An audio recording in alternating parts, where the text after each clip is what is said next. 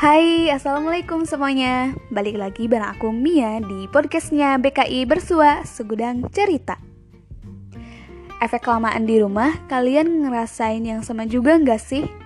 Tiap malam pas mau tidur suka overthinking gitu. Sering mikir yang sebenarnya gak harus dipikirin sama kita. Terus akhirnya takut sendiri, ngerasa reso sendiri dan di umur kita yang sekarang 20 tahun sampai 25 tahun itu atau mungkin bahkan sampai 30 tahunan gitu. Itu tuh wajar loh teman-teman. Sering mikirin masa depan kita tuh kayak gimana. Terus misalnya abis lulus kuliah itu kita langsung dapat kerjaan atau enggak sih gitu. Ngerasa masa depan kita itu takut gagal gitu. Pokoknya sering ngerasa khawatir sendiri gitu teman-teman. Khawatirin semua hal yang bakal kita hadapin di masa depan gitu. Nah, ketika kita memasuki umur 20 sampai 30 tahunan, pasti akan mengalami masa quarter life crisis, muncul berbagai, berbagai rasa kekhawatiran dan kebimbangan. Terus ngerasa takut kalau harapan kita tuh nggak akan berjalan sesuai yang kita inginkan gitu. Gak cuma khawatir ke tujuan hidup kita gitu, tapi kualitas hidup kita kualitas hidup kita juga sering kita khawatirkan gitu kayak gimana cara kita dan jalan yang bakal kita ambil itu kayak gimana gitu. Nah, quarter life crisis ini juga sangat wajar gitu dirasain sama setiap orang.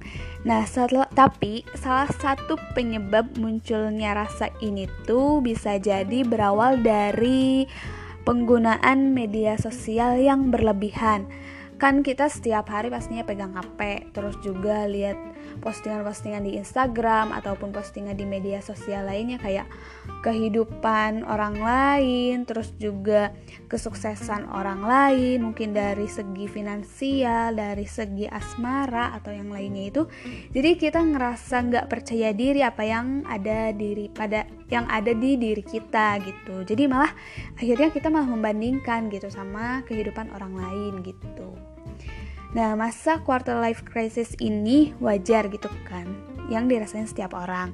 Asal tugas perkembangan kita yang memasuki masa dewasa ini tetap dilaksanakan, tetap dilakukan gitu. Jangan sampai masa dewasa awal itu di diloncat gitu, di dilupain gitu. Nah, di umur sekarang ini maksudnya di umur 20 sampai 30 tahunan ini pasti akan mengalami perubahan secara fisik dan juga psikologis yang bersamaan dengan masalah-masalah kita yang bakal bermunculan gitu. Dan juga perubahan penyesuaian diri kita juga gitu terhadap permasalahan yang kita alami dan juga yang lainnya. Nah, tugas kita setelah memasuki usia dewasa ini harus mempersiapkan kehidupan ekonomi kita itu bakal kayak gimana bertanggung jawab secara sosial dan juga negara gitu sebagai ya orang dewasa gitu. Jangan sampai umur kita um, udah kehitung dewasa malah pikiran kita nggak berubah nggak ada nggak ada perubahan dari umur sebelumnya gitu. Ya sih di umur mungkin ada orang yang umurnya lebih bawah dari kita tapi pikiran pikirannya itu lebih dewasa daripada kita gitu. Nah dan yang paling penting juga kita sebagai orang dewasa selalu mengisi kegiatan positif di waktu luang. Harus bisa memanfaatkan waktu sebaik mungkin gitu. Mungkin bisa experience uh, dan ataupun bereksplor dengan beberapa hal gitu. Karena ya experience kita kan sangat penting di kehidupan kita. Pengalaman-pengalaman kita itu bakal jadi pelajaran di kehidupan di masa yang akan datang gitu. Tapi ini teman-teman kita sebagai seorang muslim seharusnya juga nggak merasa khawatir yang berlebihan gitu.